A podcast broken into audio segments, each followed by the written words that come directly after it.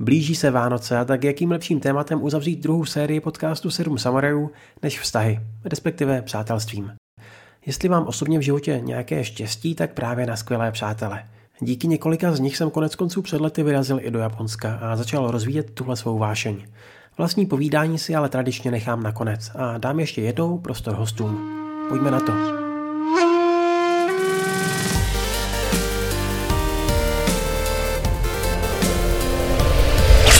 Říká se, že z Japonci je složité navázat blízký vztah a trvá mnohem déle, než tě skutečně přijmou do svého okruhu přátel. Řekli byste, že je to pravda? Máte s tím osobní zkušenost? O první odpověď jsem poprosil Sevy. Na túto otázku odpoviem asi troška ináč, než sa odo mňa očakáva, ale z osobnej skúsenosti som prišla na to, že sa asi ani nechcem do toho kruhu kamarátov dostať. Japonské vzťahy, ja budem teda teraz hovoriť radšej iba o tých kamarátskych, sú niečím úplne iným než tie naše. Mám pocit, že sú skôr iba o tom, že si spolu ľudia výjdu na pivo, zabavia sa, zasmejú sa, no tam to končí. Nie je tam žiadna hlbšia komunikácia. Zdá sa mi, že sú tie vzťahy plitké. Nie je raritou, že sa kamaráti prestanú rozprávať a stretávať, hlavne keď už sú po škole a pracujú. Um, pokúšala som sa o kamarátske vzťahy niekoľko rokov, no v konečnom dôsledku som prišla na to, že by to bolo iba o tom, kedy sa to tomu druhému zrovna hodí. Um, nezabudnem na to, ako som raz zavolala partiu z mojich univerzitných čias zo Shizouky von cez spoločný chat, lebo ich je teraz vlastne, lebo ich žije v Tokiu veľa a stretávajú sa. No a ani jeden z nich ani len neodpovedal. Bolo ich fakt asi, no aspoň 10. To bola taká posledná kvapka, od, od ktorý som sa už nepokúšala udržať nejaký vzťah. Uh, veľmi ma to mrzí, ale zatiaľ asi zostanem iba pri mojich českých a slovenských kamarátoch, ktorých mám doma, a tu v Japonsku. Pokračuje Charlie Doležal. Tak myslím si, že určitě takové situace mohou nastat. Respektive řekl bych, že to asi takové může být u jakékoliv národnosti. Přece jen je to spíš o povaze jednotlivých lidí. I když tak nějak obecně to může vypadat jako specifický japonská specialitka. Samozřejmě nemohu mluvit obecně nebo za druhé, ale co jsem měl šanci, vždy se to nějak vyvinulo a i když tam třeba byla cítit lehká odtažitost nebo neúplná otevřenost, tak vždycky se našla cesta. Je to zase spíš o tom, na jakého člověka se narazí. Přece jen vždycky jsou na světě lidi jak odtažití, tak zase přátelští, nebo pro změnu velice nepřátelští. Je to trochu o náhodě a taky vlastním přístupu. Pro změnu zase Japoncům můžeme přijít my až příliš otevření, extrovertní, možná dokonce i drzí nebo nevychovaní. Kdo ví? Jakou zkušenost má Kuba Stříbrný? Nedokážu asi dostatečně posoudit, jak složité je navázat blízký vztah s Japoncem obecně, ale rozhodně komunikace mezi Čechem a Japoncem má jedno velice zajímavé úskalí, a to sice v úrovni zdvořilosti. V případě češtiny tedy tykání versus vykání, v případě japonštiny je těch úrovní zdvořilostí hned několik. Nejčastější je důvěrná řeč nebo zdvořilá řeč. Zajímavost té japonské zdvořilé řeči je ta, že ač by se zdálo, že se jedná o nějaké japonské vykání, tak tomu tak není. A Japonci jsou zvyklí zdvořilou řeč používat i u lidí, kteří jsou třeba jenom o 2-3 roky starší než oni. Klidně i mezi studenty stejného oboru na vysoké škole, kteří jsou zvyklí spolu chodit do hospody. A docela zajímavé je na tom to, že tím, jak jsem zvyklý na dvě úrovni zdvořilosti a že to vykání je vlastně taková jako velice formální způsob, jak eh, budovat nějaký vztah s druhým nebo jak se vůči druhému vymezovat, tak mám tendenci podle těchto kulturních vzorců reflexivně vnímat, i když ke mně někdo mluví v japonštině tou zdvořilou řečí. A docela zajímavé bylo pak se na toto téma bavit s kamarádkou, která zde učí, která se zde učí češtinu a vůči mě mluví v češtině používá tykání, zatímco v japonštině zdvořilou řeč, protože je o několik let mladší. Tak jsem se jí ptal, jestli kvůli té zdvořilé řeči vlastně nevnímá náš vztah jako nějaký jako formálnější, než jenom prostě blízké kamarádství. A ona říkala, že, že ne, že vlastně pro ní je to prostě jenom reflex způsob používání jazyka, který se naučila doma a vůbec to takhle takovéhle jako implikace v tom nevidí a naopak, kdyby se mnou mluvila důvěrnou řečí, takže by jí to přišlo strašně, strašně divné. Ne třeba nutně extrémně familiární, ale prostě divné, protože takhle se nemluví.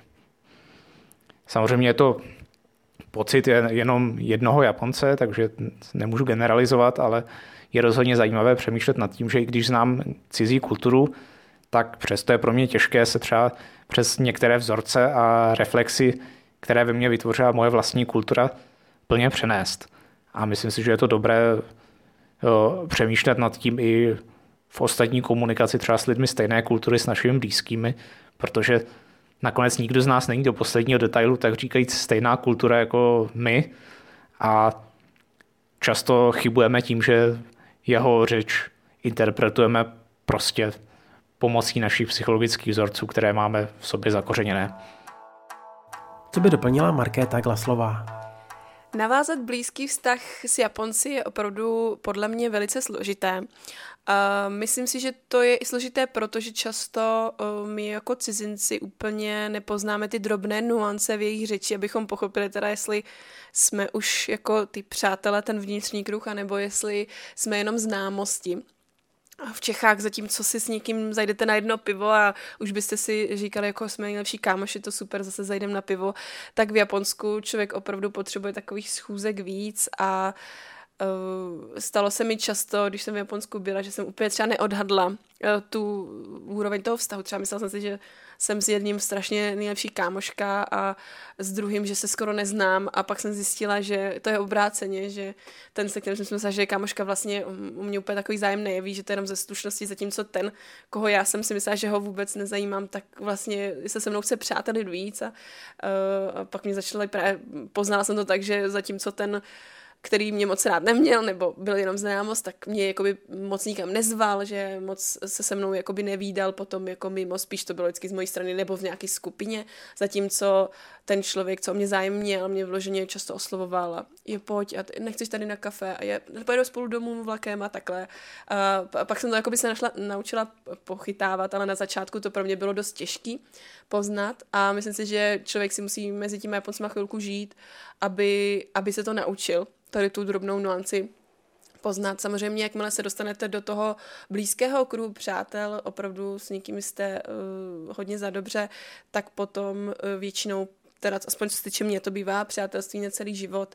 Jsou to lidi, se kterými i dneska, když jsem se s nimi neviděla roky, tak jim napíšu a vždycky pokecáme, zavoláme si na Skype a vždycky si máme co říct a Eh, a oni sami jakoby mi píšou, sami se ozývají, že jako je, už jsme si dlouho nepovídali a takhle, takže člověk pak pozná, jo, tohle ten člověk, který opravdu eh, je můj přítel a ty ostatní byly opravdu jenom známosti.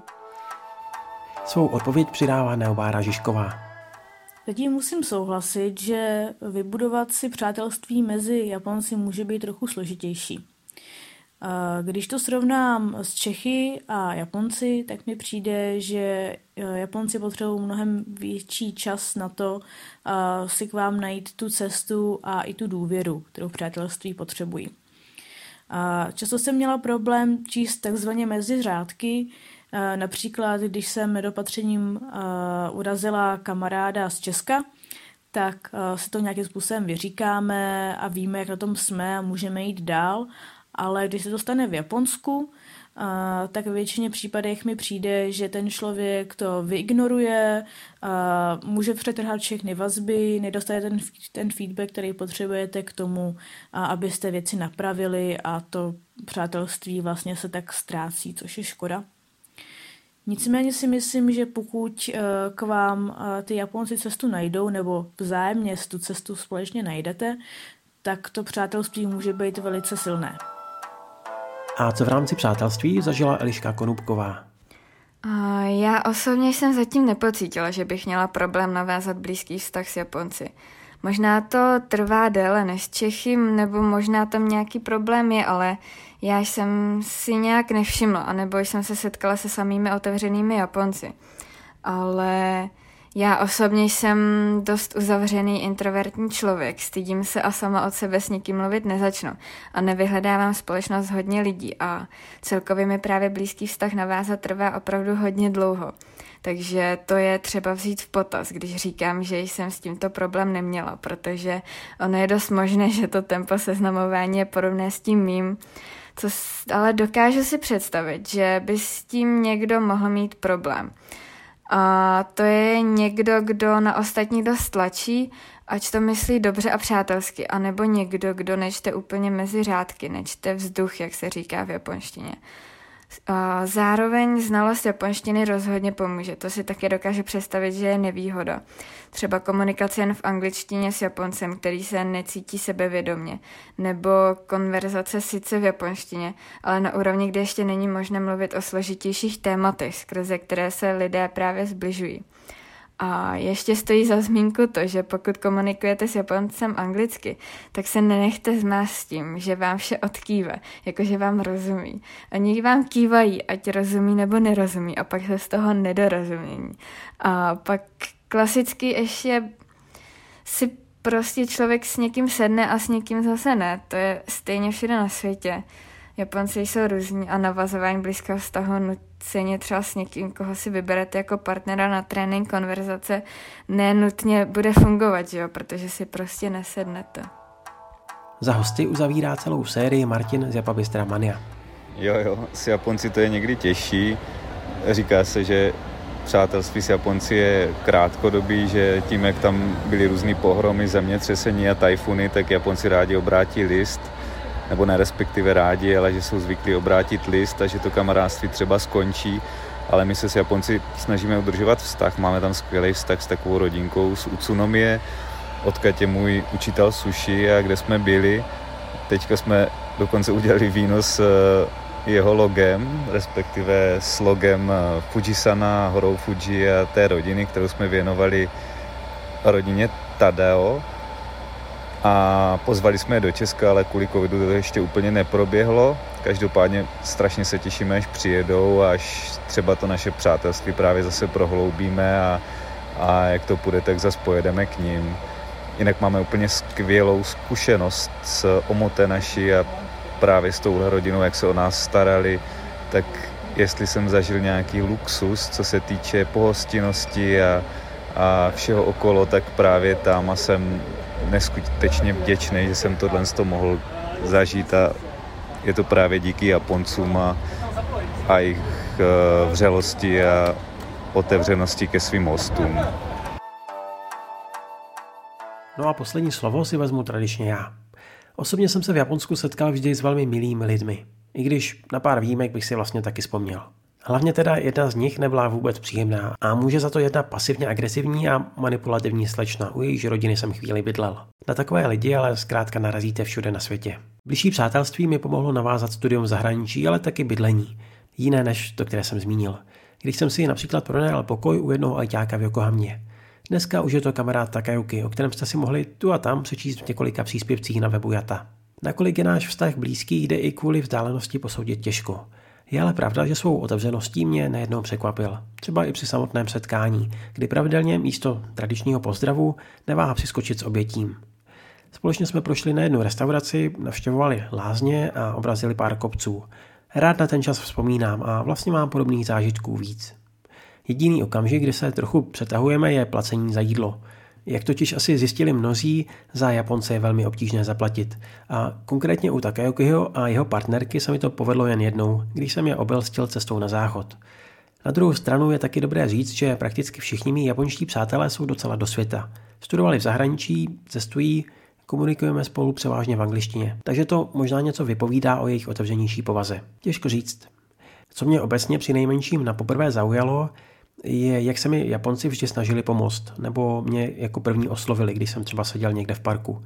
A teď nemluvím o tamnějších náboženských sektách, které mě taky několikrát lanařili do svých řad, ale o normálních lidech, kteří si prostě chtěli pokecat, zajít společně na jídlo nebo získat nové kontakty. To už ale odbíhám od tématu, takže to pojďme uzavřít. Sedmou epizodou druhá série Sedmi samurajů končí. Nezbývá proto, než poděkovat hostům, že si udělali čas na odpovědi a samozřejmě vám za poslech. Před vánoční pauzou pro vás budu mít ještě jeden novinkový podcast. A ještě do té doby spustíme, pokud se nic nepokazí, něco nového a hodně zajímavého. Vlastně možná už příští týden. Takže rozhodně sledujte Jata na Facebooku nebo našem novém Instagramu. Těším se na to. Matané! なるほど侍だな